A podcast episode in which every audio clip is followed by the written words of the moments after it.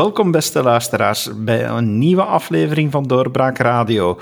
Met eh, onze vaste politieke gasten Karel Drabbe en Karel de Vos. En dan weet u dat het tijd is voor een gedegen politieke analyse van wat er leeft en reilt in de Wetstraat en andere straten, waar soms ook achter de ruggen, achter de muren en in donkere kamertjes aan politiek wordt gedaan. Maar daar hebben we deze heren voor om daar de schijnwerpers op te zetten. Welkom, meneer Drabbe en meneer de Vos. Dag David. Met plezier.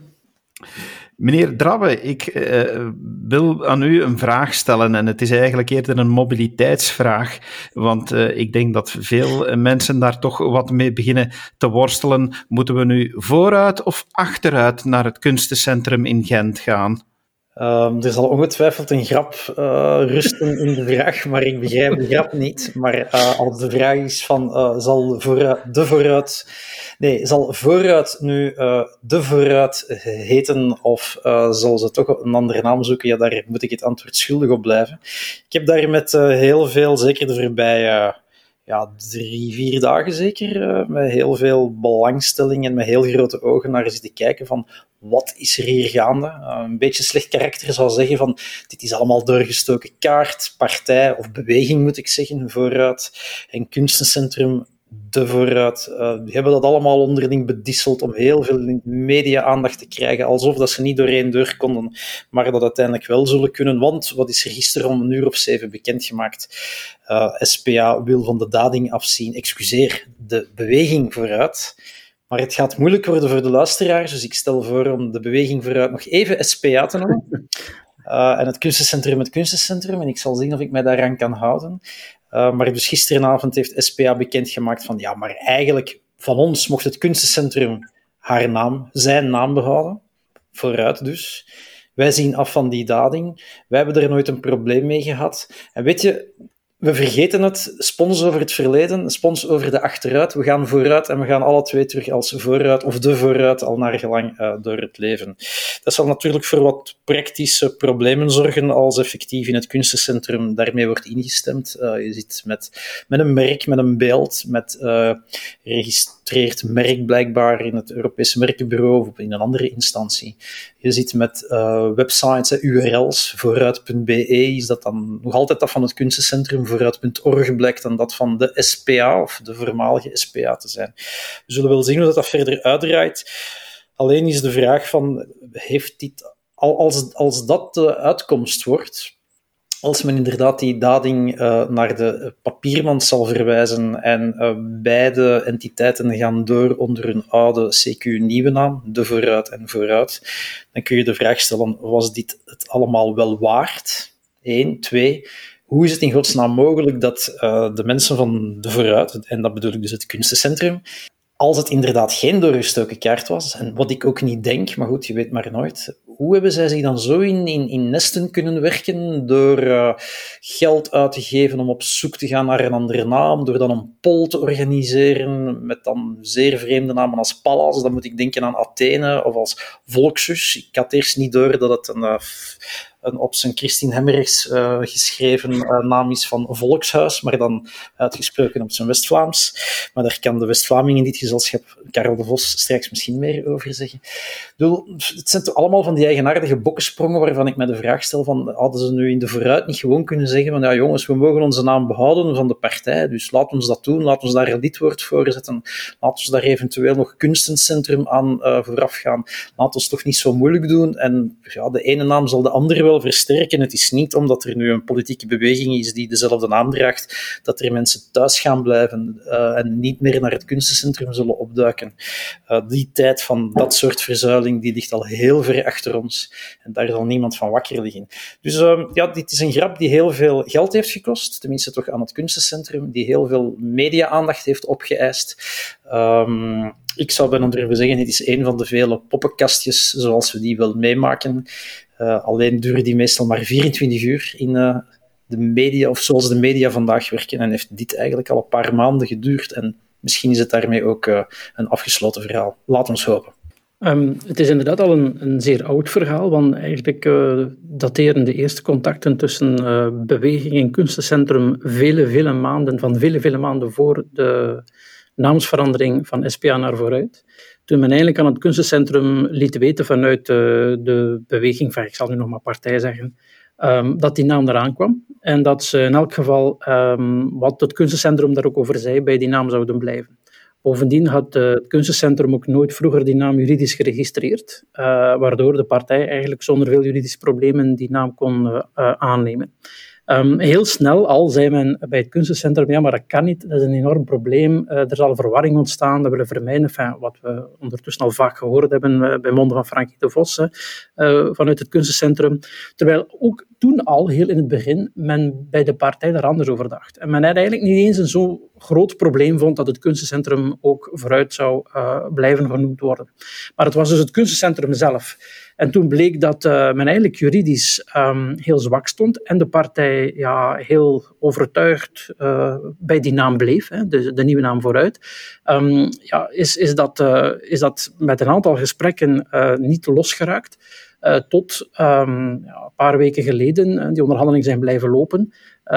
ja, de partij ook op een bepaald moment wist, zag dat in een toch iets wat bevriende organisatie, waar men toch een zekere uh, ja, solidariteit mee voelt, um, ja, dat, die, dat die naamsverandering flink wat geld ging kosten, dat men vanuit dat kunstencentrum ook uh, ja, blijvend het verzet zou kunnen organiseren. Zelfs al was men juridisch eerder zeker van een eigen zaak, maar toch, het blijft lastig om daar uh, juridische procedures moeten, rond te voeren.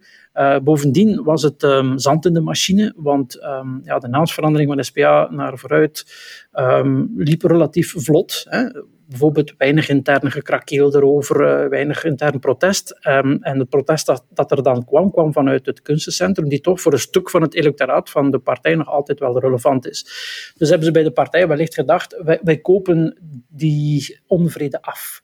En uh, dat is een investering in de naamsverandering, um, zoals de hele marketingoperatie. Dat is daar misschien zelfs nog een, een eerder beperkte kost in dat geheel. En we kopen ons uh, zekere rust, waardoor de sereniteit rond die naam gaat liggen. Aan de kant van het kunstcentrum was het een manier om uh, de kosten die ongetwijfeld met die naamsverandering gepaard gingen, te drukken in een ook door corona moeilijk jaar of moeilijke jaren voor het kunstcentrum. Dus ik snap in zekere zin de dading wel. maar goed, die dading is eh, geheim. Uh, dat is typisch aan zo'n dading. En bovendien, ja, het gaat wel om uh, de partijfinanciering, belastingsgeld, die de partij vooruit blijkbaar over heeft om, om wat te doen. Om, om mensen op te leiden, om ideeën te fabriceren, om netwerken uit te bouwen. Nee, om tumult rond haar partijnaam te vermijden. Om het stof van die hele operatie af te kloppen. En dus wat bleek dat bij de partij, ze hadden eigenlijk niet echt zien aankomen, ja, dat, men, dat, men, dat er heel wat kritiek kwam de kranten deze week stond ja, een hele discussie opnieuw van het gaat even snel liggen als het opkomt rond de partijfinanciering. Als partijen zoveel geld hebben dat ze kunnen uh, voor, voor dat soort van dingen vele tienduizenden euro uh, aan een kunstencentrum geven, dan hebben ze gewoon geld te veel. Dus dat was vervelend voor, uh, voor de partij dat dat op die manier in beeld kwam. Want heel snel werd er gezegd een paar tienduizend euro, hoeveel is dat dan? Misschien een kleine honderd wel. Ga maar eens gaan zeggen in, in de dorpstraat wat honderdduizend euro is. die mensen gaan nu gewoon vierkant uitlachen als progressief als je dat gewoon gebruikt om, om het kunstencentrum een marketingoperatie te laten betalen.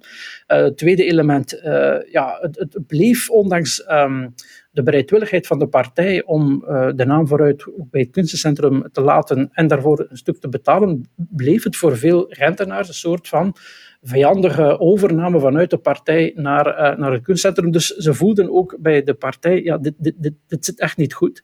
Vandaar dat zij waarschijnlijk ook blij zijn. Dat is nu aan het uh, spelen op de achtergrond. Hè. Er zijn verschillende gesprekken in de vooruit, tussen de vooruit en de beweging bezig om te zien hoe raken we daaruit.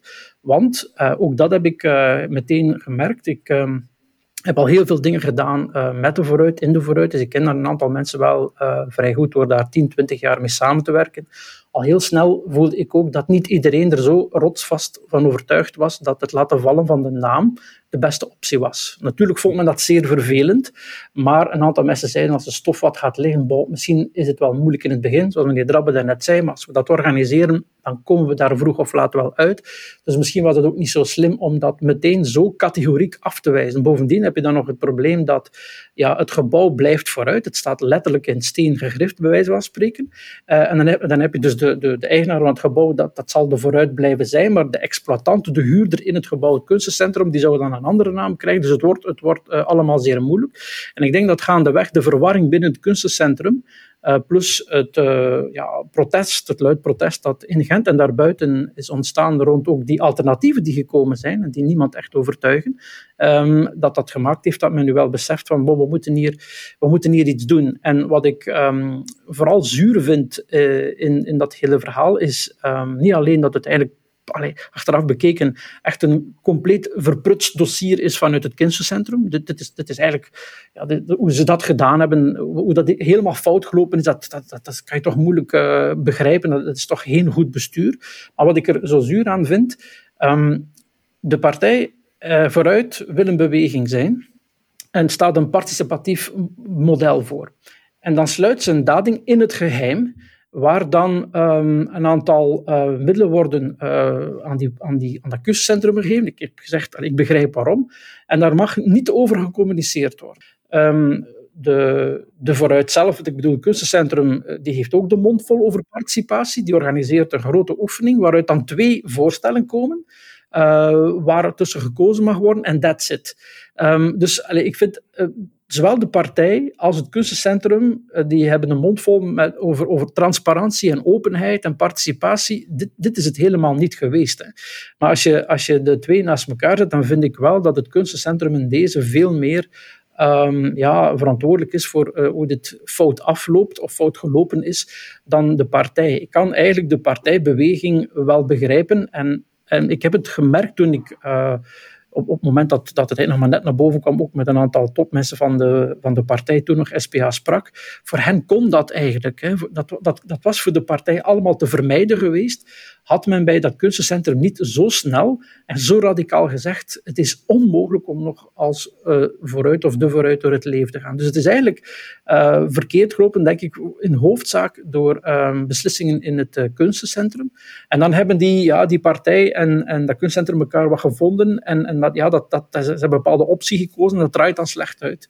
dan zitten ze toch alle twee wel, vind ik, maar vooral het kunstencentrum nu met de gebakken peren. Ja, het is inderdaad het kunstencentrum dat toch zeker twee keer cruciaal in de fout is gegaan. Hè. Op de eerste plaats door dat erfgoed overboord te willen gooien, terwijl dat eigenlijk een gedeeld erfgoed is. Je zou bijna kunnen zeggen van elke Gentenaar, die is een beetje overdreven, van elke Vlaming is misschien ook een beetje overdreven, maar toch van een hele beweging en een hele uh, cultuur uh, sinds het einde van de 19e eeuw. Dat is toch al 120, 130 jaar. Wanneer heeft vader Ansele de eerste steen gelegd van de coöperatieve De Vooruit? Dat was toen een coöperatieve om brood te bakken en de arbeiders vooruit te helpen enzovoort. Dus dat is denk ik al de eerste fout die gemaakt is. En de tweede fout, en alleen, daar hangt ook een heel, heel kwalijk perceptieprobleem aan vast. Dat is dat eigenlijk het kunstencentrum heeft laten verstaan van God, wij zijn te koop. Onze naam mhm. is te koop. En nu was het de beweging die voormalig SPA heette, uh, die de titel heeft kunnen kopen. Maar voor hetzelfde geld had, was het misschien iemand anders geweest. Want dat is tenminste, tenminste, dat is de perceptie die je creëert. Onze naam was te koop. Eigenlijk liepen we er zo niet mee te koop. Eigenlijk was het toch niet zo belangrijk. Voor minder dan 100.000 euro kan u onze naam en ons logo gebruiken en heel ons erfgoed en heel onze geschiedenis.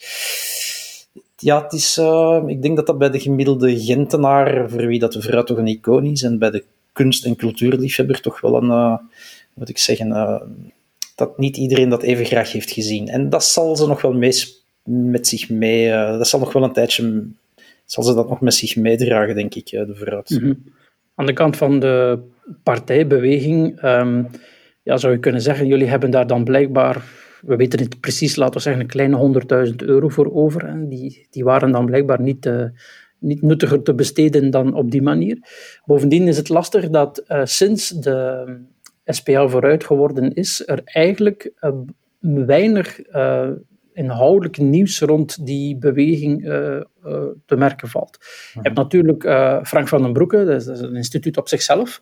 En dus, dus de partij komt op die manier wel via Frank van den Broeke in, in, in de aandacht. Maar wat hebben we van, van de partij vooruit eigenlijk sindsdien al vernomen? Um, er is wat tumult geweest rond um, iemand van de socialistische mutualiteiten in Limburg die in de cel zit. Uh, uh, we hebben Van der Lalotte plotseling een rare rol gezien in de affaire El Kawakibi. ik weet het wel, hè, we hebben het al eerder over gehad, 100% als advocaat, als raadsman, maar bon, voor heel veel mensen is en blijft dat de minister van Staat en de ex-partijvoorzitter van Vooruit. Er is nu de, de kwestie van de naam Vooruit in, in, Gent, in het kunstencentrum. Dus um, je, het zijn allemaal kleinigheden, het zijn, het zijn akkefietjes, dat stelt uiteindelijk niet veel voor, maar um, het is wel zo dat dit eigenlijk het enige is wat, van, wat uit de partij is gekomen sinds die van SPA naar vooruit is veranderd. Dat zijn, dat zijn, uh, ja, dat zijn kleine kiezelsteentjes in de schoen, dat is, dat is geen enorm probleem, dat is ook van heel tijdelijke aard, dat is ook niet super fundamenteel, uh, want uiteindelijk in Limburg, ja, dat is denk ik nog voor een stuk, dat zijn nog de naweeën van een opgekuist verleden, hè, van een bos die in de Optima-affaire uh, weer in beeld kwam en dus ook gedagvaard wordt, maar ook dat is, is, is, is, Gent van, van een tijd geleden. Hè. Limburg is opgekuist, Gent is opgekuist. Dat, dat, heeft ook slachtoffers gekost. Denk aan Don Balthazar enzovoort. Dus de partij wordt met, met Van der Lanotte, met die, met die socialistische voorman van de mutualiteit in Limburg, met Van den Bossen, herinnerd aan een vervelend verleden. Dat is weggewerkt. Dat kan je de huidige partij niet kwalijk nemen. De naamsverandering Kunstencentrum is ook, geen tof, sympathiek, wervend, mooi verhaal. En ik denk dat dat ook wel een beetje een probleem is dat uh, sinds uh, die grote operatie een paar weken geleden op zondag met dat um, ja, licht apocalyptisch aandoend filmpje waarmee uh, SPA vooruit werd, er eigenlijk sindsdien van de partij zelf weinig vernomen is. Um, dat wordt beantwoord, en ik denk dat dat ook juist is, uh, met um, de stelling: we zijn um, achter de schermen heel druk inhoudelijk bezig. Hè. We hebben de partij gereorganiseerd, de provinciale besturen zijn afgezwakt, middelen zijn gecentraliseerd. Uh, helaas ook zijn de parlementaire medewerkers gecentraliseerd, hè, waardoor de parlementsleden nog meer afhankelijk zijn van de partij. Uh, uh, dan ze vroeger waren, hè, want ze kunnen eigenlijk niet meer beschikken over een eigen parlementaire medewerker. Dus er is, er is achter de schermen uh, in, in, in de buik van vooruit zijn, zijn, is er heel wat uh, ja, vernieuwing, organisatorische managementvernieuwing geweest. Um, de partij blijft insgezind, uh, staat ook achter Conor Rousseau. Uh, maar er is eigenlijk aan die naamsverandering en de, en de bewering, we gaan, we gaan een beweging worden, geen nieuw inhoudelijk verhaal gekoppeld. Nu, daarvan zegt men, en ik geloof dat ook wel, we zijn daarmee bezig. En het is ook nu niet het moment om het te brengen, want het is corona, corona, corona. We zijn er inhoudelijk mee bezig en de komende jaren lossen we dat wel. En dan zal blijken dat er ook inhoud is naast de vorm. Maar daarbij aansluitend, heel kort maar, we hebben Conor Rousseau ook al drie, vier weken niet meer gezien hè? in de media. Ja. Dus dat is wat mij inderdaad ook opvalt in dit hele gebeuren, politiek gezien. Er wordt veel meer aandacht gegeven aan ja, die verknoeide marketingoperatie en weinig aandacht gegeven aan wat Conor Rousseau eigenlijk wilde bereiken met de partij om te vormen naar een beweging, terwijl er toch wel belangrijke dingen gebeuren die de professor net vernoemde. Eh, we hebben het hier in onze podcast ook al gehad over particratie, over de nadelen daarover. Uh, ik heb daar onder andere al uh, een aantal onderzoekers geïnterviewd. En dan merken we toch dat die socialistische beweging een heel centralistisch systeem aan het opbouwen is, blijkbaar achter de schermen. Die parlementaire medewerkers, uh, echt allemaal gaan concentreren van, van de macht rond de partijvoorzitter. Dat is toch belangrijk politiek nieuws, waar, waar de schijnwerpers nu niet op staan. Dat klopt, ja. We vernemen hè, wat Karel de Vos daarnet al zei over die parlements, de parlementaire medewerkers die geen medewerker meer zijn van de parlementairen, maar van de partij. Terwijl dat, dat eigenlijk middelen zijn die vanuit het Vlaams parlement in dit geval uh, naar die medewerkers moeten gaan of daarvoor moeten aangewend worden. En die worden dus omgesluist naar de partij. Het is nu wel heel expliciet zaakjes. Eigenlijk geldt dat voor alle partijen, hè? want parlementsmedewerkers van pakweg N-VA of VLD, maar dat geldt ook voor de andere partijen, worden ook heel vaak voor andere zaken ingezet dan zaken die strikt en later en alleen met het Vlaams parlement en met hun parlementslid te maken hebben. Dus zo anders is het niet. Alleen wordt het nu al veel formeler uh, gemaakt bij SPA, bij, bij Vooruit. Wat mij het meeste daarin opvalt, dat is dat het inderdaad een, eh, een beweging rondom een figuur wordt, hè, rondom een partijleider. Het is, uh, ik, ik, ga nog maar eens de, de zo foute vergelijking maken met de jaren dertig. Binnen tien jaar zijn we ook in de jaren dertig. Maar toen was dat schering en inslag om een nieuwe politieke constructie op te bouwen rond een figuur. En bij het verdwijnen van die figuur, dan zag je ook die politieke constructie vaak in elkaar stuiken.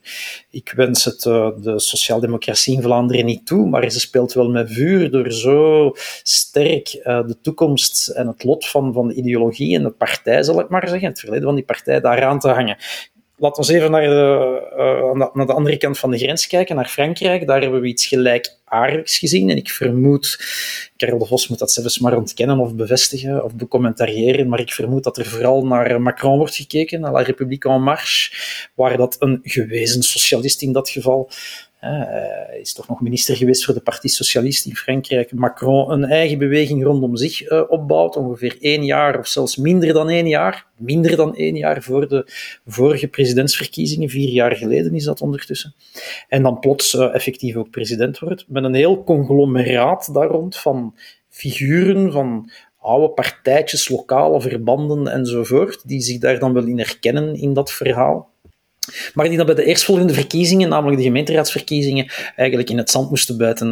La République en Marche heeft het toen absoluut niet goed gedaan. En als morgen Macron zou wegvallen, ja, wat blijft daar dan nog van over, behalve wat los zand? Want veel ideologie en veel uh, traditie in de zin van partij, partijstructuren, studiecentrum, uh, kaderleden, afdelingen enzovoort, blijft daar dan niet van over. Dat blijft niet hangen. Dus men moet wel opletten met de toekomst van de sociaaldemocratie, zal ik maar zeggen, om die zo op één figuur of aan één figuur te gaan enten, zoals dat nu gebeurt met Conor Rousseau.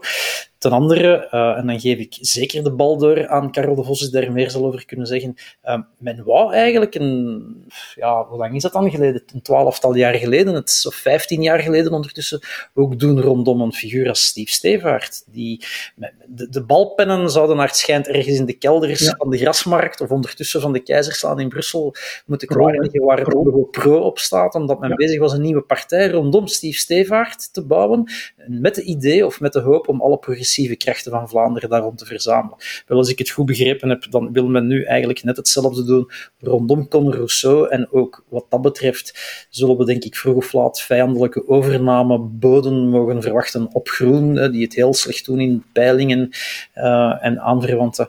Dus ik kan mij indenken dat men hetzelfde aan het doen is, maar ik zou zeggen, uh, ja, toch maar mee opletten. Uh, men zou wel eens met vuur kunnen spelen aan die kant van het ideologische spectrum. Ik volg de analyse van meneer Drabbe in die zin dat uh, binnen de partij uh, Beweging Vooruit inderdaad bijzonder veel verwacht wordt van uh, Con Rousseau. ook Con Rousseau verwacht bijzonder veel van Con Rousseau. Um, het is allemaal nogal um, op de persoon van de zeer beloftevolle voorzitter gericht. In die zin dat uh, mij soms doet denken aan de. En de twee zijn niet helemaal vergelijkbaar, maar toch aan de periode Stevaart. Waar ook Stevaart absoluut de, de, de topfavoriet was, de centrale spelverdeler, het gezicht van de partij. Hè. We noemden het zelfs Stevaardisme toen in die tijd. Hè. Uh, bepaalde kromme redenering die dan toch uh, heel intelligent klonken als ze uit de mond van Stevaart kwamen. Um, heel mobiliserende figuur ook, die zoals meneer Drabbe zei ook de ambitie had om, om eigenlijk ja, dat socialisme een plek te geven in een breder geheel, de operatie Pro enzovoort. Ik zie heel veel dingen terugkeren. Um, en zelfs Frank van den Broek is, is weer terug, zoals hij toen een van de Teletubbies was. Nu weliswaar alleen, hè, want die andere Tubbies zijn er niet meer. En dat is een van de verschilpunten, dat is dat... Um, ja, Stevaart toen, uh, ondanks alle kritiek, wel ergens een progressief, volgens sommigen niet voldoende socialistisch of sociaal-democratisch, volgens anderen dan weer wel, uh, eigen verhaal had, hè, rond gratis enzovoort. Dat is er op dit moment uh, bij Vooruit en Con Rousseau nog niet. Maar ik geloof wel, ik zie... Um, dingen. Ik zie mensen samenkomen, ik zie uh, dingen die georganiseerd worden online. Dus de partij is bezig met zich inhoudelijk te wapenen, te organiseren. Dus het is, ze hebben het voordeel van de twijfel, dat zal, dat zal wel komen. Alleen vind ik de, tijdsverloop tussen de operatie naamsverandering, de organisatorische, uh, noem het managementwijzigingen die gebeuren enerzijds en de inhoud die, dat tijdsverloop tussen die twee vind ik niet zo evident. Hè? Want bij, bij vooruit klinkt altijd show, don't tell. Hè? Je moet niet zeggen aan de mensen wat je aan het doen bent, moet ze dat gewoon laten zien. Wel, ik heb um, show gezien, maar niet don't tell, bij wijze van spreken. Hè? Uh, of omgekeerd, ik heb al show gezien, maar wel tel. Hè. Ze, ze, zeggen wat ze gaan doen, maar, maar, maar, maar ik zie eigenlijk in de boodschap dat nog niet, niet naar boven komen. Dus er zijn een aantal dingen die terugkeren en ik heb die geschiedenis met de partij toen en Steve Stewart van bijzonder dichtbij ook kunnen meemaken. En ik ben er ook niet altijd gerust in dat dat wel goed afloopt. Ik denk dat Conor zo uh, zeer goed is. Ik weet alleen niet. Ik moet, ik, moet heel veel uh, gewicht op relatief jonge schouders dragen. Ik weet niet of dat allemaal zo uh, evident is, want rond Conor Rousseau staan er wel een aantal mensen, maar dat zijn toch um, ja, niet op dit moment hele sterke figuren die die partij mee kunnen uh, dragen. Dit gezegd zijnde vind ik wel dat van de drie klassieke partijen die allemaal voor een soortgelijke oefening staan, SPA vooruit er op dit moment uh, beter voor staat dan bijvoorbeeld CD&V en wellicht zelfs dan uh, Open VLD. Maar die moeten er aan beginnen, hè? Wat zeg je? Die moeten er eigenlijk nog aan beginnen, heb ik de indruk. Die moeten er nog aan beginnen, ja. Maar bon, laten we zeggen, ze hebben alle drie dezelfde start gekend. Hè, na de ook opnieuw desastreuze verkiezingen uh, hebben, hebben ze alle drie de analyse gemaakt. Dit kan niet meer. Als we in 2024 in de moeder der moeder der verkiezingen tijd willen keren, moeten we daar nu echt werk van maken.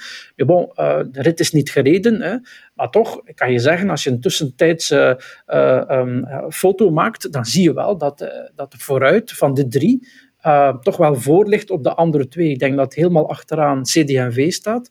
Maar ook bij Open VLD is dat, um, is dat geen fraai, uh, wat die partijvernieuwing betreft, nog geen fraai verhaal. Hè. Er, is, er is Alexander de Croo, hè, president Alexander de Croo, waarvan gehoopt wordt dat hij dan de hele partij, ook in al die andere kieskringen dan alleen de zijne, dan zijn ons Vlaamse kieskringen, dat hij dan in 2024 ook voor de Vlaamse verkiezingen al die uh, Open VLD-lijsten mee kan trekken.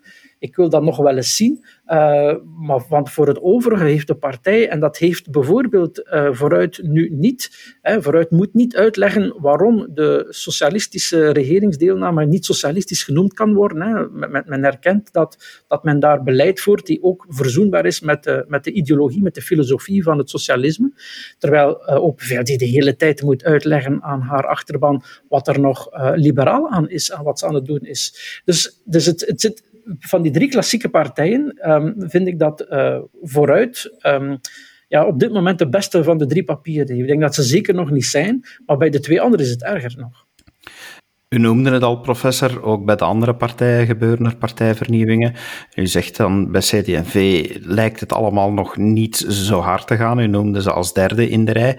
Maar er is toch eh, net vandaag een, eh, een interview of een gesprek met voormalig premier Yves Leterme, die daar opmerkingen over maakt. Eh, net nadat er ook een beetje naar buiten is gecijpeld dat Joachim Koens op wat strubbelingen in de partij stoot. Er is een, een vergadering geweest die het toch moeilijk heeft met de verandering van statuten die hij voorstelt. Ja, maar dat, interview bewijst net mijn punt, waarom het bij CD&V het ergste van de drie is. Dergelijke interviews met oude toppers van Vooruit hebben wij nooit gehad toen de partij Vooruit met haar interne operatie bezig was. Zelfs Louis Tobak heeft gezwegen.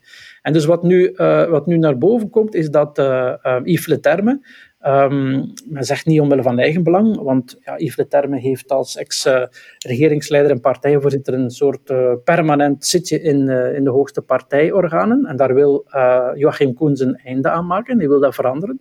Maar goed, ik denk dat het te flauw zou zijn om, om de kritiek van Yves Le Terme daartoe te reduceren.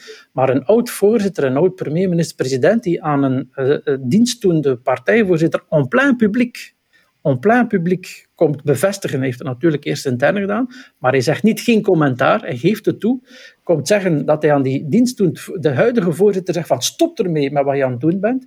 Ja, bedoel, dat, dat, dat kan wel tellen, hè. Uh, dat, dat is toch bezwaarlijk een, een, een, ondersteuning van het gezag van zijn provinciegenoot Joachim Koens, die, die wat aan het doen is, die, die probeert om eerst de eerste lijn, de, de macht van de burgemeesters te versterken. Herinner u bij de regeringsvorming hoe belangrijk Joachim, Joachim de WhatsApp-groep van burgemeesters vond, ook om te beslissen wat hij moest doen als nationaal voorzitter, om de positie van uh, jongeren, ouderen, vrouwenorganisaties, zuilorganisaties voor een stuk uh, achteruit te schroeven, de vrijwilligers, kader van de nabijheid, de, de vrijwilligers in de partij te brengen, dus die bezig is met die partijen wat uh, wat te hervormen. En ja, inderdaad, hij heeft nog geen inhoudelijk verhaal. Maar zoals ik zeg, vooruit heeft dat op dit moment ook niet. Hè. Toen men de partij hervormde, vroeg, vroegen zeer weinig mensen aan, aan Conrousseau, ja, maar wacht eens, wat je nu allemaal doet met die partij, zet dat eens aan de kant en richt u eerst eens op die inhoudelijke grote boodschappen waarmee je de partij wil herlanceren. Dat hebben ze toen niet gedaan, maar dat komt nu een ex-partijvoorzitter in de kranten wel doen. Dus vandaar, ik vind dat, dat van de drie, um, ja, CD&V nog het minst ver staat. De voorzitter slaagt er zelfs blijkbaar niet in om zijn partij mee te nemen in alleen nog maar de organisatorische hervorming uh, waar hij voor staat. En die denk ik ook wel uh, de, juiste, de juiste weg is om te volgen. Dat heeft dan denk ik vooral te maken met het feit dat, uh, als we ze dan toch even gaan vergelijken, Joachim Koens en Conor Rousseau een totaal andere tactiek hebben gevolgd. Hè. Rousseau heeft zich eerst verzekerd van alle nodige steun die hij nodig heeft om zijn eigen gezag, gezag te doen gelden. Binnen zijn partij, om die dan in een andere plooi te leggen. En dat is duidelijk iets dat Koens niet gedaan heeft nota bene Koens, die dan maar met de hakken over de sloot uh, verkozen is als uh, voorzitter. Herinner u dat Sami Medi, die nu staatssecretaris is voor asiel en migratie, dat dat zijn tegenkandidaat was, dat hij bijna 50% had. Hè. Het was ergens achteraan in de 40 dat hij toch haalde. Dus Koens had al geen uh, ticket to ride, zal ik maar zeggen. Hij moest rijden en omzien. En wat doet hij? Hij rijdt, maar hij ziet niet om en plus, en dat is toch iets dat de CVP vroeger al kenmerkte, je hebt altijd van die schoonmoeders gehad. Hè? Elke zuil had een schoonmoeder en elke gewezen uh, premier was schoonmoeder van de, de, de, actuele partijvoorzitter. En ik denk dat waarschijnlijk op dat vlak ook eh, SPA vooruit, moet ik dus nu zeggen, uh, iets strakker in het gelid, dat daar iedereen liever strakker in het gelid marcheert.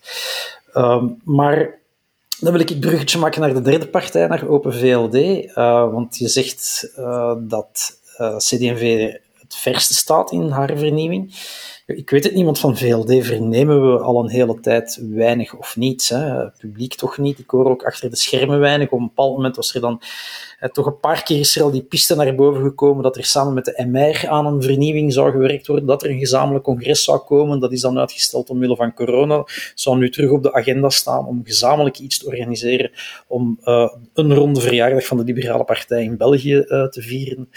Um, er zou een boek komen van de beide partijvoorsters, dat is ook op een bepaald moment gefluisterd. Maar eigenlijk zien we en horen we nog bij de MR, uh, laat staan bij Open VLD, iets van partijvernieuwing. En dan denk ik van, ja, misschien staan ze in de CD&V wel iets verder. Alleen hebben ze een, heeft Koens misschien niet de beste tactiek toegepast door niet eerst zich in te dekken bij de verschillende belangengroepen, gewezen zuilorganisaties, gewezen premiers, zoveel zijn het er niet meer, uh, en, en, en aanverwanten. Want iemand als Stefan de Klerk bijvoorbeeld heeft wel heel duidelijk zijn steun uitgesproken voor de vernieuwingsoperatie waar Koens nu mee bezig is. En is toch ook een gewezen voorzitter van die partij. Ja, die ziet trouwens al die ideeën die ooit als uh, voorzitter gelanceerd heeft, uh, twintig jaar geleden terug naar boven komen. De bijenkorven heten nu Oranje Ontmoetingsplaatsen of zoiets. Ja, uh, maar het is eigenlijk ja, voor de rest heel veel gelijkenis. Je hebt gelijk, je kan eigenlijk discussiëren wie Open VLD of CD&V wat de partijvernieuwing betreft, of zeg maar um, een, koers vinden die kan leiden tot een succes in 2024, welke van de twee er het minst goed voor staat. Bij Open VLD hoor je op dit moment uh, niets. Je hebt wel een, een regeringsleider die vrij um, gewaardeerd wordt. Uh, waar de partij zich kan aan optrekken. Terwijl bij CD&V, maar je hebt gelijk, je zou kunnen zeggen dat uh, gezien, gezien, de stilstand van Open, veel, uh, Open VLD op dat domein de partij er misschien nog slechter aan toe is dan CD&V. Maar bij CD&V heb je een openlijk... Um, openlijk debat daarover, waar, waar de voorzitter eigenlijk uh, ja, uh, gehinderd wordt en, en, en, en bakzeil moet halen, of tenminste zijn eigen achterban die kan overtuigen. Ik weet niet of niks doen, of, of, of het feit dat er nog geen nieuws is over Open VLD nu beter of slechter is dan het feit dat een voorzitter aan het ja, proberen is, maar, maar, maar op dit moment ja, halve links mislukt. Maar dat, dat maakt de tijd niet veel uit. Het is in elk geval een van beide een, een, een, mooi verhaal, denk ik. Maar dan gaat het inderdaad van hoe dat het verhaal, dat, of het parcours dat ze nu aan het rijden zijn, overkomt. En dan gaat het inderdaad over perceptie. Van de VLD weten we niet veel. Bij de CD&V zien we nu van, oei, het lijkt een brokkenparcours. Maar ja, ik denk dat Koens het gewoon totaal verkeerd aangepakt heeft door zich niet eerst door niet eerst met alle mogelijke partners en stakeholders te gaan praten en dat hij zich niet heeft ingedekt en dat hij gewoon met een nota en met de voeten vooruit, uh, wijziging van de statuten concreet, met de voeten vooruit naar de achterban is gestapt en ja, die wordt blijkbaar liever geconsulteerd, hoe zou je zelf zijn? Wat ik nu wel mij bedacht, eh, zowel bij CD&V als bij VLD, dat is toch wel vrij nieuw. Uh, bij CD&V heb je altijd de standenorganisaties gehad natuurlijk en dan inderdaad de jongeren, de vrouwen en de ouderen, de senioren liever. Ehm, daar komt nu toch zo'n nieuwe vereniging de neus aan het venster steken, Stuurboord. Uh, David, je hebt er nog maar net een podcast meegemaakt die ik weliswaar nog moet beluisteren. Van uh, vooral burgemeesters, wat lokale figuren, wat de gewezen bekendere figuren, ook wat mensen met een eerder intellectueel imago, als ik dat zo mag zeggen, die zich verzameld hebben om de CD&V op een wat meer ja, conservatiever of centrumrechts uh, pad te krijgen, of terug te krijgen. Um, ik merk dat zij ook bij Joachim Koens een luisterend oor hebben gevonden. Maar je ziet iets gelijkaardigs bij de VLD. Daar wordt dan in de media niet zoveel aandacht aan besteed. We hebben die op doorbraak wel eens gehad, die Stibo Vianen van het Liberaal Vlaams Verbond. De manier waarop die met uh, vrije tribunes, opinieteksten her en der, maar vooral met een hele duidelijke koers in de sociale media zich aan het uh, plaatsen is binnen het liberale politieke debat, of het liberale spectrum van het publieke debat liever, dat is ook niet niks. En media kijken daar zo nog niet naar, maar het is wel nieuw dat daar plots weer zo'n organisatie klaar staat.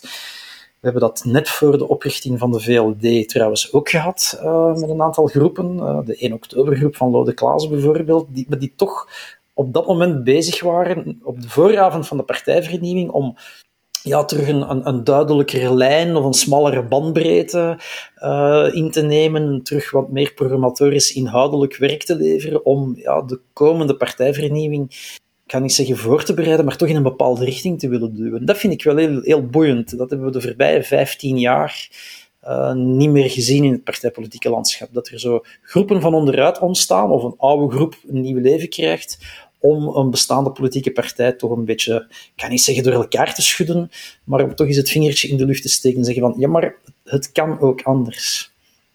Maar ik zou zeggen, gelukkig maar, want partijen hebben dat nodig. Hè. De, de klassieke partijen staan voor ook een ideologische oefening. Hè. Waar staan we voor? Hoe, hoe, hoe vertalen we dat naar eigentijdse thema's? Uh, welke heel concrete voorstellen komen daaruit voort. En dan heb, je, ja, dan heb je een debat nodig in je partij, heb je kritische massa nodig, heb je groepen nodig die ja, links tegen rechts staan. En, en, en in de ideeënstrijd uh, komen daar interessante inzichten uit uh, naar boven. Ik heb op dit moment evenwel nog niet het gevoel, um, maar je hebt gelijk, dat verloopt voor een stuk in de luwte dat bijvoorbeeld uh, stuurboord, bakboord, het CTNV op dit moment um, al die aspiraties kan hebben. Er is daar in het verleden ook al eens denigrerend over gedaan. Herinner je het ene opiniestuk dat dan door het andere werd gevolgd, waarbij de ene CD&V eigenlijk de andere in op de krant uh, kwam uitlachen. Um, dus ik weet niet in welke mate dat het, dat het potentieel heeft om, om ook een, een, een interne ideeënstrijd op te leveren. Het komt uh, soms een beetje over als een, als een vorm van belangenorganisatie waar men vooral... Uh, het is niet met Pieter de Krem die het kan doen. Um, Um, en niet meer Straf en Hendrik, hè, want ja, die hebben een tijd gehad. Uh, die, die hebben dat ook gedaan vroeger. Die hebben geprobeerd om die lijn wat um, te verwoorden. Uh, ik zeg niet dat dat allemaal hetzelfde is, maar we hebben dat in het verleden ook gezien. Maar dat heeft ook nooit tot een, tot een, tot een gezond, interessant, uh, vruchtbaar, inhoudelijk, ideologisch gesprek in de partij geleid. Dus, dus je hebt gelijk, ze, ze zijn er wel in de luwte. Dat is, dat is belangrijk, dat is, dat is beloftevol, maar dat dat heeft voor mij nog niet de garantie dat het echt tot een inhoudelijk interessant uh, debat kan leiden. Wat ze bij CD&V dan bijvoorbeeld wel voor hebben op Open VLD, dat is dat uh, Koens er toch in geslaagd is om met een aantal ja, nieuwe ministers um, echt wel um, uh, figuren voor de toekomst naar voren te schuiven. Hè. Die, die, zijn allemaal nog relatief uh, jong, uh, maar bon, ik denk aan Alice Verlinden en Van Petergem, die bewijzen toch wel, ook Sami Medi, die, die bewijzen toch wel dat, dat de partij niet alleen met Hilde Krevits verder moet bewijzen van spreken en Joachim Koens. terwijl bij Open VLD, ja bon, je hebt er wel Vincent van Quickenborne, die team Lachaard en de premier, maar voor de rest, en Bart Somers zit dan in die Vlaamse regering, en, en dat is het zo wat, uh, maar dat zijn niet direct uh, figuren die, uh, ja, die de komende tien jaar, twintig jaar nu die partij gaan dragen. Ze hebben bij wijze van spreken hun tien, tien jaar al gehad. Hè. nog een tour en dan, en dan, is het, dan is het zo wat voorbij. En dus, Qua personeelsbeleid vind ik dat Koens heeft, heeft wat fouten gemaakt in zijn partijvernieuwing. heeft te weinig geluisterd. Of, ofwel heeft hij wel geluisterd, heeft hij gezegd, voert, ik, eh, ik ga er gewoon voor. Want als ik, het, uh, als ik doe wat zij vragen, verandert er gewoon niks. En ik ben verkozen als voorzitter om iets te veranderen, dus ik ga er gewoon voor. Ik zoek de confrontatie op, dat zou ook wel eens kunnen zijn. We horen hem daar ook niet over. Maar is er toch wel in geslaagd om, om wat personeel naar voren te schuiven, waarvan je voelt, ja, die, die, die gaan de komende 10, 15 jaar kunnen die een prominente rol spelen in de partij. En dat heb ik bij Open VLD nog niet gezien. Ik denk dat ook dat mevrouw De Bleker, en nu niet direct de staatssecretaris voor begroting, een, een, een toptransfer is van, van, van, van dat allooi misschien een goede staatssecretaris, maar ik heb ze nog niet zien uh, in een grotere rol naar boven komen. En dat geeft Koens wel weer voor. We hebben het natuurlijk nu over partijvernieuwing bij drie klassieke partijen, met dan min of meer als aanleiding dat ze klappen krijgen, al een paar verkiezingen op rij. Maar natuurlijk, je hebt ook partijen zoals N-VA, Groen, die ook klappen hebben gekregen. Waarom horen we bij hen niks van partijvernieuwing of nieuwe projecten of uh, nieuwe ideologieën of uitdagingen uh, waarom zij terug aantrekkelijk zouden moeten worden? De eerste plaats, de NVA heeft een groot ideologisch congres in 2024, eh, sorry, 2000 23, ja, dus één jaar voor de volgende verkiezingen. Ik denk dat we dat moeten afwachten, of tenminste de, de voorbereiding en de wegbereiding van dat congres moeten afwachten om te zien of die partij op zoek zal gaan naar een nieuwe identiteit, dan wel haar bestaande identiteit in een andere plooi wil leggen. Ik denk dat het daar nu te vroeg voor is. Uh, en Groen zit denk ik een beetje in de lappenmand en, en, en wat verscheurd. Hè. Ook daar mag je, mag je dat toch niet onderschatten bij de vorige uh, voorzittersverkiezingen binnen Groen, Miriam Almachi versus um, Björn Zoska, dat was maar een verschil van 6 of 16 stemmen. Ja, dat is peanuts, hè? dus dat is daar ook een, een verdeeldheid van quasi 50-50 over twee kandidaten. Miriam Almachi was toen gesteund door een Christophe Calvo. Christophe Calvo die gaat nu door een soort existentiële crisis. Uh, heeft zich blijkbaar ook wat losgemaakt van uh. Dus ik denk dat die partij momenteel wat op zoek is naar zichzelf. Die heeft wel twee nieuwe, frisse gezichten naar voren geschoven uh, in de federale regering.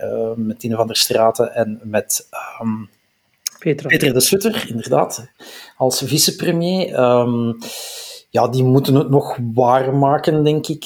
Tine van der Straten staat wel in het debat, maar ja, ik denk dat daar, die moeten nog, wat, nog wel wat kilometers afleggen. Uh, het is natuurlijk corona, corona, corona. En eh, CD&V-minister Annelies Verlinde komt heel wat meer in de media dan Petra de Sutter bijvoorbeeld.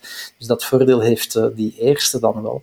Dus ik denk dat Groen vroeg of laat wel op zoek zal moeten gaan naar zichzelf. Maar daar speelt dan nog een tweede element mee, of een derde element liever. dat is, ja, wat gaat vooruit worden? Hè? Komen er uh, vijandige overnameboden vanuit vooruit op groen, zoals Stevaart die destijds elke week bijna in de zevende dag of in ter zake uitsprak uh, over groen. Dat, dat, zullen we zien. Dat, dat, ik denk dat dat nog wel afwachten is. Wat ons uh, als wedstrijdwatchers betreft. Misschien dat er intern wel al een en ander speelt, maar ik heb daar absoluut geen zicht op wat ik vind in elk geval dat de regeringsdeelname, nu het is uh, vroeg voor een tussenbalans uh, van Groen in de federale regering, niet echt uh, rendeert. Ik bedoel, niet enkel in termen van zichtbaarheid, maar ook niet in termen van mobiliserende kracht. Ik heb niet het gevoel dat Groen via de regeringsdeelname erin slaagt om nieuwe kiezers, nieuwe thema's naar voren te schuiven. Dat, ik, vind, ik vind de partij vrij afwezig. Ook haar voorzitter, maar dat geldt uh, ook voor die andere voorzitter. En soms is het ook maar beter dat die voorzitter wat afwezig blijft, want die hebben meestal niet al te positief effect op uh, de regeringscohesie. Dus ik, ik, ik vind dat de partij Groen op dit moment niet, niet fris, niet in goede doen. En ik vraag mij af wat zij gaan vinden om, om toch ook zichzelf te herlanceren. Want de laatste verkiezing was een overwinningsnederlaag. Hè, na alle aandacht en marsen rond klimaat had iedereen verwacht dubbele cijfers, overtuigde dubbele cijfers parkleiderschap op links werd, uh, werd geclaimd door Almaty toen. Ja, dat is toch uh, zeer dik tegengevallen. En je, je kan er niet op rekenen dat, dat de partij minstens even goed of beter zal doen. Men zal iets moeten doen bij Groen. En ik weet niet wie of wat dat zal kunnen doen. Ik weet niet of Almaty, die toch ja, wat gekwetste voorzitter is, die meteen het imago heeft van uh, ja, fris, nieuw, ook niet het imago van gedragen door de partij. Dus ze hebben daar ook een personeelsprobleem. Um, en, en als je kijkt naar NVA, um, ehm, het zal in 2023, waar men heel veel op inzet op dat congres, een verdorie ongelooflijk straf congres moeten zijn. Uh, om dan dat jaar voor die verkiezingen die partij weer een, in een nieuwe plooi te leggen. Hè. Want op dit moment gaat het toch niet zo goed met NVA. Kijk naar de hele El Kawakibi-zaak. Het is een, podcast waard om na te gaan hoe het in godsnaam mogelijk is dat uh, die, die kwestie die nu al maanden speelt, plotseling blijkbaar vooral een NVA-probleem dreigt te worden. En waar, waar in het begin alleen Open VLD tekst en uitleg moest geven over de financiering van haar campagne, uh, en die 50.000 euro bleek na een intern lek bij Open VLD die aan El Kawakibi was gegeven. Ja, wie, wie komt er nu in beeld? De, de partijvoorzitter van NVA en twee schepenen van NVA. Ook dat gaat wel weer weg. Wat maar... wij in deze podcast weken geleden al voorspeld hebben. Hè? Ja, ja, maar wat, je, allez, wat, wat blijft hangen is, vind ik... Um, dus de partij NVA probeert um, onder andere een goede bestuurspartij te zijn. En ze wil dat tonen in de Vlaamse regering onder leiding van Jan Jan Bon. Men kan niet zeggen dat de Vlaamse regering slecht bestuurd wordt. Men kan ook niet zeggen dat ze ongelooflijk goed bestuurd wordt. En dat daar het bewijs geleverd wordt dat N-VA een bijzonder vaardige bestuurspartij is. Dat kan je niet zeggen. Het omgekeerde ook niet, maar dat blijkt daar niet uit. Uh, er is het federale regeringsdeelname, die, het is complex, maar bon, in in de Zweedse regering die toch fout is afgelopen met de verkiezingsnederlaag. Als je nu achterom kijkt, um, ja, we hebben de voorbije maanden toch al een paar uh, incidenten gehad. Uh, de Govanek-affaire, ik weet het wel, dat zijn allemaal uh, kleine dingetjes die op zichzelf geen, geen grote impact hebben op hoe NVA herinnerd wordt. Maar het stapelt zich wel op. En nu komt daar nu ook dit bij. Hè? Uh, namelijk wat er daar in Antwerpen gebeurd is en die bijzonder strenge audit van, van wat is het, denk ik, 60 bladzijden. Uh, waar, waar toch uit blijkt dat, um, stel, je eens, stel eens voor dat NVA aan de oppositie had gezeten. Hoe zou die van leer getrokken zijn tegen de manier waarop een stadsbestuur met um, een, een progressieve Open VLD-politica uh, was omgegaan, het gebrek aan controle, de miljoenen, uh, honderdduizenden, de dansen voor de ogen, die blijkbaar zonder veel controle worden uh, uitgekeerd. En dan klinkt, ja, het is een collectieve verantwoordelijkheid, want uh, bovendien heeft de gemeenteraad van Antwerpen dat ook goedgekeurd op een bepaald moment, of toch stukjes daarvan, en ook Vlaanderen en federaal, enzovoort. Maar dat, ik, vind dat, ik vind dat vooral een vrij, ik vind dat een zwaktebod. Dus ik vind eigenlijk dat N-VA als partij die um, communautair en ideologisch aan een herbronning toe is, of dat wil bekijken, zich op dit moment ook niet als stevige bestuurspartij in de markt weet te zetten. En, ja, en dan kan je de vraag stellen, wat, blijft er dan eigenlijk over? Hè? Want ook in, in covid-tijden werkt de federale oppositie nog niet genoeg. Dus ik denk dat de N-VA met een serieus probleem zit. Ik denk dat we daarmee de conclusie kunnen trekken dat uh, ten eerste ik heel gelukkig mag zijn, want ik heb geen personeelsprobleem om deze analyses te maken en er is dus geen vernieuwing voor deze podcast nodig.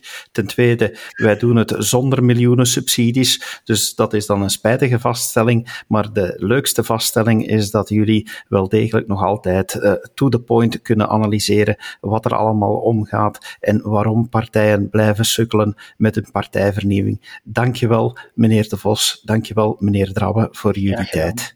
Graag gedaan. En u, beste luisteraar, dank u dat u opnieuw hebt afgestemd op onze politieke analyse. Blijf luisteren en graag tot de volgende keer. Dag. Dit was een episode van Doorbraak Radio, de podcast van doorbraak.be. Volg onze podcast op doorbraak.be/radio of via Apple Podcasts, Overcast of Spotify. Bezoek ook onze website op doorbraak.be en steun ons door een vriend te worden van Doorbraak.